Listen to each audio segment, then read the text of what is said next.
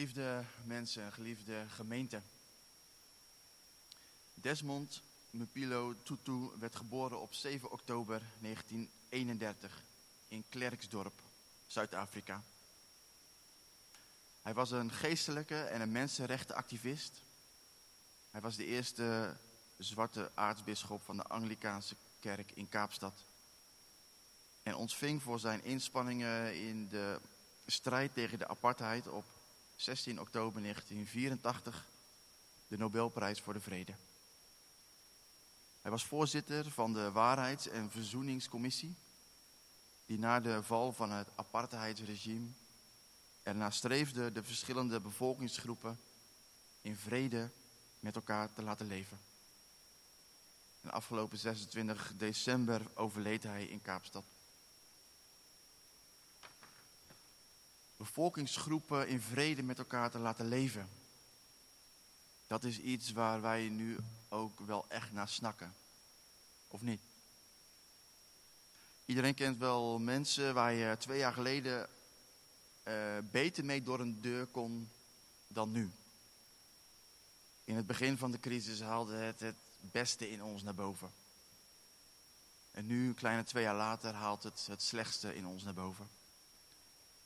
Het ongeduld, de felheid, de frustratie, de boosheid. Ook in het oude Israël was er soms strijd en verdeeldheid tussen groepen, tussen stammen. Ik wil graag met jullie lezen uit Richter hoofdstuk 12, de versen 1 tot en met 7.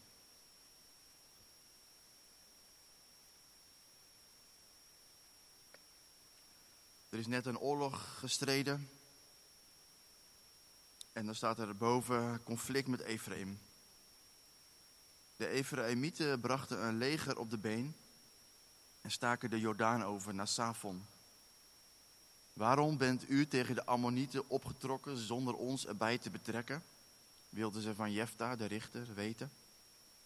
We zullen u met huizen al verbranden. Jefta antwoordde hun, toen mijn volk en ik in oorlog waren met de Ammonieten, heb ik u opgeroepen. Maar u bent me niet te hulp gekomen. Dus toen ik merkte dat er van uw kant geen hulp te verwachten was, ben ik met gevaar voor eigen leven zelf tegen de Ammonieten ten strijde getrokken. En de Heer heeft ze aan mij uitgeleverd. Waarom valt u mij nu dan aan?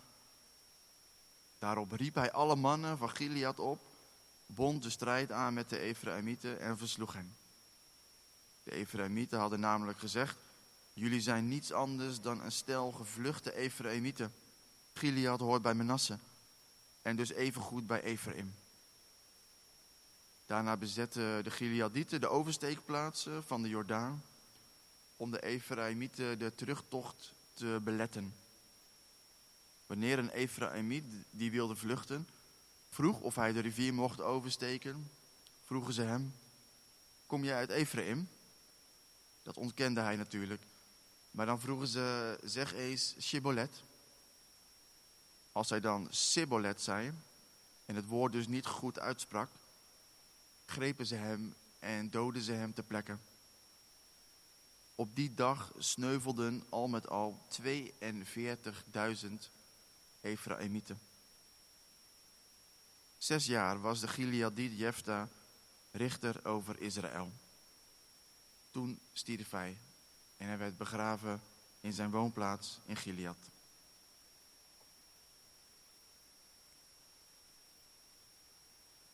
Een heel heftig verhaal. Een verwijt van de stam van Ephraim. Als je het boek Richteren doorleest, wordt Ephraim eigenlijk nooit positief beschreven. Altijd als ze te sprake komen, zijn ze negatief, kritisch, agressief. En ze komen verhalen halen. Jefta, waarom ben je oorlog gevoerd tegen de Ammonieten zonder ons op te roepen? En de manier van reageren van Jefta is dan cruciaal. Dat maakt alle verschil. Als je het boek Richteren doorleest, een, een paar hoofdstukken hiervoor, lees je exact dezelfde situatie in Richter 8. Eh, Bij Gideon, de vijfde richter. Jefta was de negende.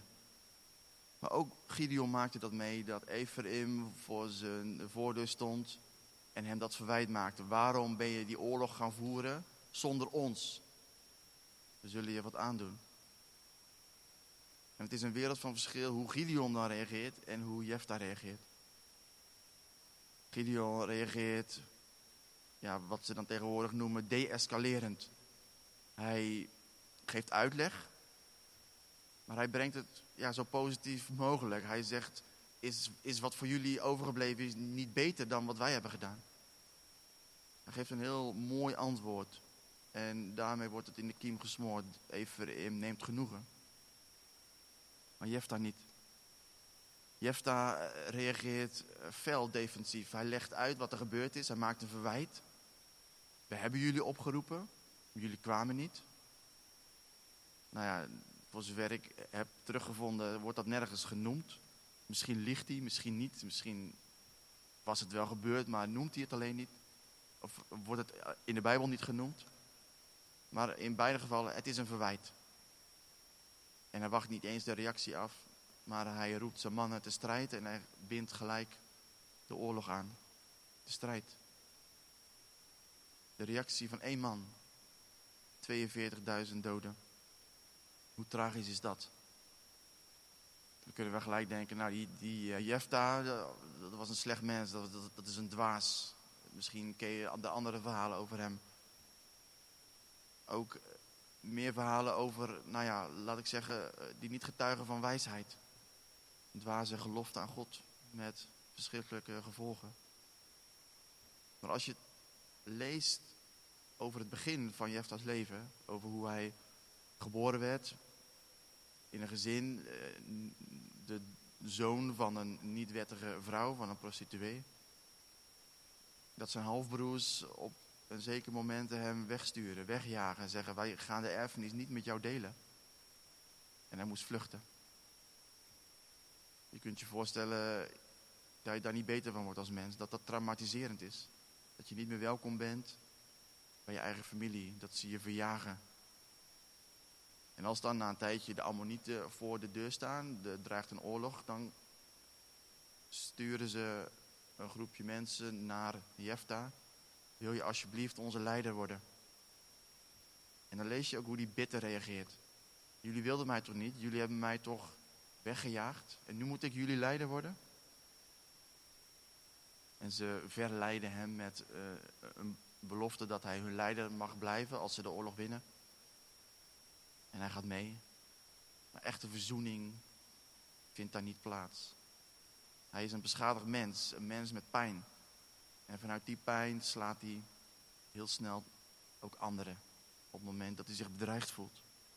Dat oude gevoel van afwijzing weer boven komt. In dat verhaal zit ook nog iets heel interessants eh, bij die doorwaadbare plaatsen bij de Jordaan. Dat ze dan Shibboleth laten zeggen. Die stammen leefden blijkbaar zo apart van elkaar. Ze zagen er wel hetzelfde uit. Ze herkenden het niet aan het uiterlijk. Maar ze hadden andere dialecten. En die mensen van Ephraim konden geen shibboleth zeggen, die zeiden sibbolet. En in onze recentere geschiedenis is daar ook een voorbeeld van, begin van de Tweede Wereldoorlog. Zijn er heel wat Duitse spionnen ontmaskerd door het verzet, door de binnenlandse strijdkrachten, door zo'n vermeende spion te laten zeggen, zeg Scheveningen. Misschien heb je het wel gezien in een oorlogsfilm. En dan zegt een Duitse Scheveningen, ja, dan was hij ontmaskerd. Maar het woord shibboleth is symbool geworden, metafoor voor iemand neersabelen op één kenmerk. En doen we dat nu niet vrij massaal in deze crisistijd? Als jij vindt dat we gewoon de overheid moeten gehoorzamen, doen wat gevraagd wordt. En dan nog steeds in de supermarkt zie je iemand zonder mondkapje, dan kun je in een halve seconde denken, wat een asociaal mens is dat. Wat een slecht persoon. Weg ermee. En andersom, als je kritisch bent en je, en, je, zegt dat heeft helemaal geen nut, stomme mondkapjes, en dan zie je nog steeds mensen die ze wel dragen. En helemaal iemand in zijn eentje op de fiets, in, in zijn eentje in de auto, met een mondkapje op. Kun je ook in een halve seconde denken, maar het is iets van alle tijden. Shibbolets. Zo zitten we in elkaar. We hebben die neiging altijd. Politieke partijen misschien. Als je hoort dat iemand op een bepaalde politieke partij stemt, die partij waar jij tegenaan kijkt van, wat een verschrikkelijke partij is dat. Hoe kan iemand daarop stemmen? Ook in één seconde denk je, die persoon heeft afgedaan van mij. Dat, die kan ik gewoon niet meer serieus nemen, echt. Zo iemand kan niet intelligent zijn. Shibboleths, wees je ervan bewust. Wat zijn jouw shibboleths? Wat zijn voor jou dingen die je belangrijk vindt, die jou irriteren? En waarbij je in je gedachten binnen één seconde iemand kan afschrijven. Belangrijk om daarop te letten. De inmiddels landelijk bekende christelijke arts Gor Kachikian was te gast net voor kerst in de podcast Dick en Daniel geloven het wel. Hij kwam als kind met zijn ouders uit Armenië als asielzoeker in Nederland. En hij zei iets wat mij heel erg trof. Hij zei, ik heb geleerd bij de inburgering dat Nederland een tolerant land is. Maar dat zijn we niet meer. We zijn agressief naar elkaar als het om vaccineren gaat. De overheid doet daar aan mee. Die heeft geen idee waarom mensen zich niet vaccineren.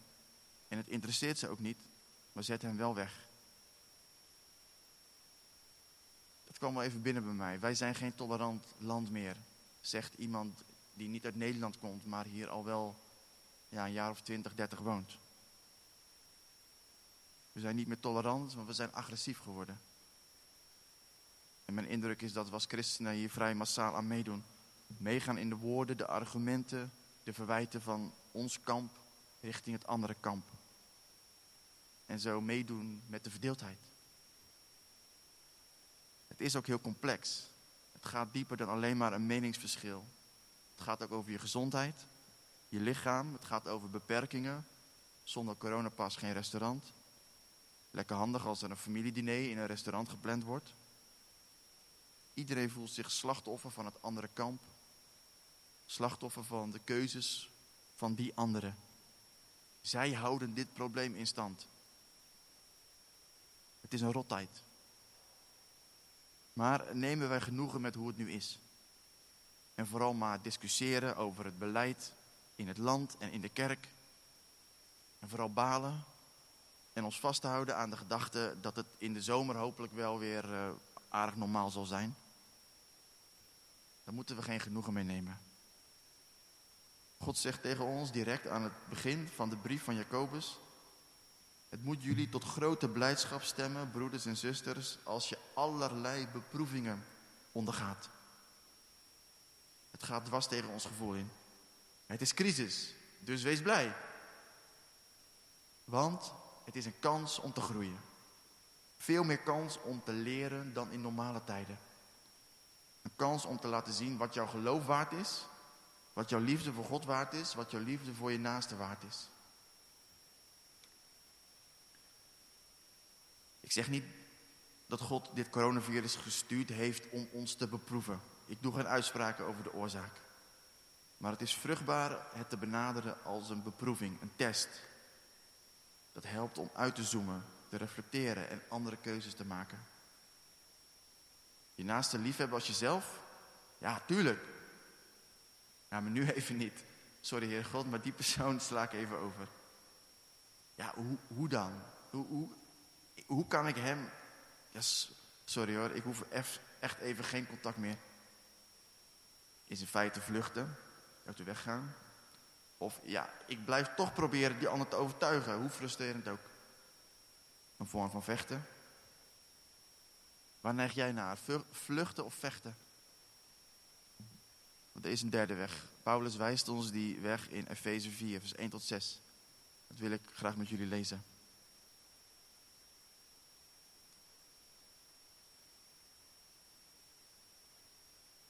Efeze 4, vanaf vers 1. Ik die gevangen zit omwille van de Heer, vraag u dan ook dringend de weg te gaan die past bij de roeping die u hebt ontvangen. Wees steeds bescheiden, zachtmoedig en geduldig. En verdraag elkaar uit liefde. Span u in om door de samenbindende kracht van de vrede de eenheid te bewaren die de geest u geeft.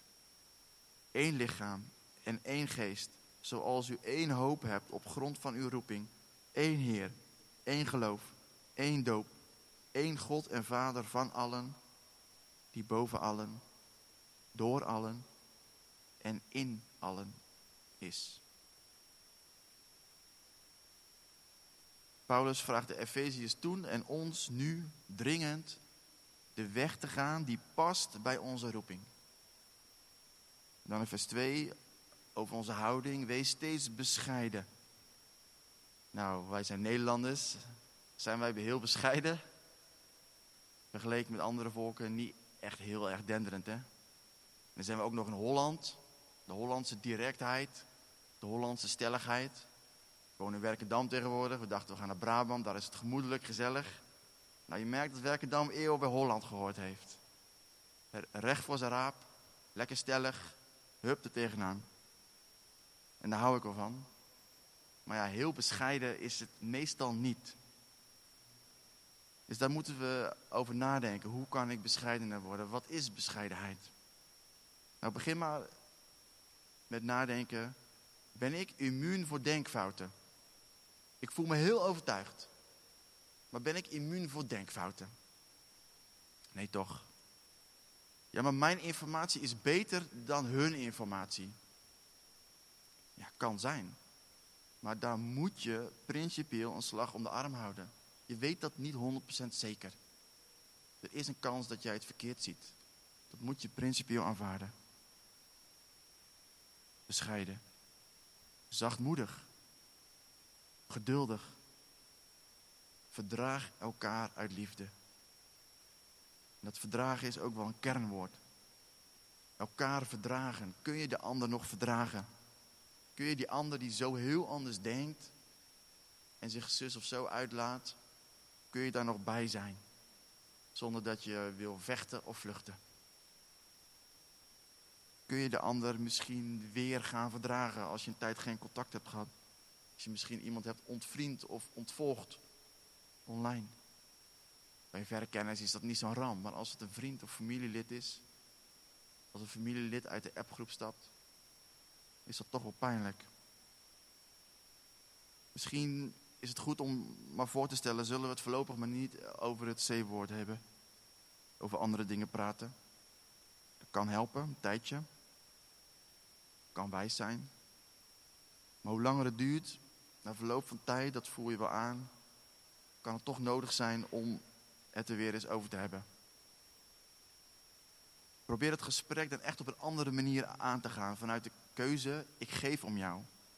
Ik wil jou beter begrijpen. Vertel niet te veel en vraag zoveel mogelijk, zonder verwijten. Wat is momenteel jouw grootste zorg? Wat vind jij nu vooral heel belangrijk in deze situatie?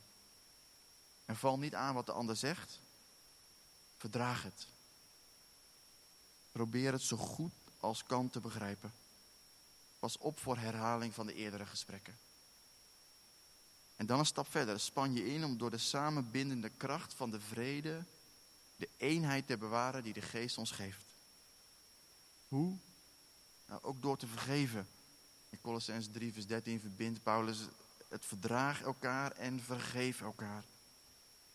Misschien moet je vergeving vragen voor het ontvrienden, ontvolgen van iemand. Dingen die je gezegd hebt. Zoek elkaar weer op. Maak weer contact. Stuur een berichtje. Hey, ik baal ervan eigenlijk dat we geen contact meer hebben. Want ik geef wel om je. En misschien moet ik vergeving vragen voor wat ik toen en toen zei. Blijf het onderscheid beseffen tussen inhoud en relatie. De inhoud hoef je niet eens te zijn. Maar die relatie is er nog steeds. Bid voor de ander. En ook met vrienden en familie die geen christen zijn, waar je strikt genomen niet één Heer, één geloof enzovoorts mee deelt, is het belangrijk om te overdenken, te bespreken waarin zijn of waren wij één. Wat delen we nog wel? Waar hadden we het voor deze tijd over? We gaan toch niet laten gebeuren dat corona ons uit elkaar drijft. We hebben een diepe eenheid door Gods geest. En er is er maar één die verdeeldheid wil. Wij weten niet wat dit jaar gaat brengen. Of het moeilijker wordt of makkelijker wordt. Maar wil je onderdeel van het probleem zijn, van verdeeldheid? Of stap voor stap deel uitmaken van de oplossing? Wat je ook gelooft, wat je ook denkt, wat je ook verwacht, onze Vader roept ons om één te zijn. Elkaar lief te hebben. Wat de ander ook denkt en wat er ook gebeurt. We moeten elkaar lief hebben, omdat God ons lief heeft. Dat is noodzaak. Anders redden we het niet. Als samenleving, als kerk. En God zij dank, het hoeft niet in eigen kracht, maar steeds weer bij Jezus ons laten voeden. En merk je op een bepaald punt, het lukt me niet bij deze persoon, wat hij of zij nu zegt, daar haak ik echt volledig af. Perfect. Aan de grens van jouw kunnen, aan de grens van jouw liefde, daar wordt het pas interessant. Want daar voel je, misschien wel voor het eerst in je leven, dat je God keihard nodig hebt. Je kunt het zelf niet. Je hebt God nodig om die ander nog lief te hebben of weer te gaan liefhebben. Verblijd je als dat gebeurt, als je dat merkt. En smeek God om hulp. Net zolang tot er iets verandert. Ik sluit af met een mooi citaat van Desmond Tutu. You don't choose your family. They are God's gift to you, as you are to them. Je kiest je familie, ook je geestelijke familie, niet uit. Ze zijn Gods geschenk aan jou. Net zoals jij Gods geschenk aan hun bent. God gaat jou helpen. Elke stap die je zet uit liefde. Als je het weer goed gaat maken. Als je dat berichtje gaat sturen. Jezus is volop aan het werk in onze samenleving. Stap in zijn boot. Wat de toekomst ook brengt. Jezus kan en wil en zal ons leiden. Want zonder liefde zijn we niets. Amen.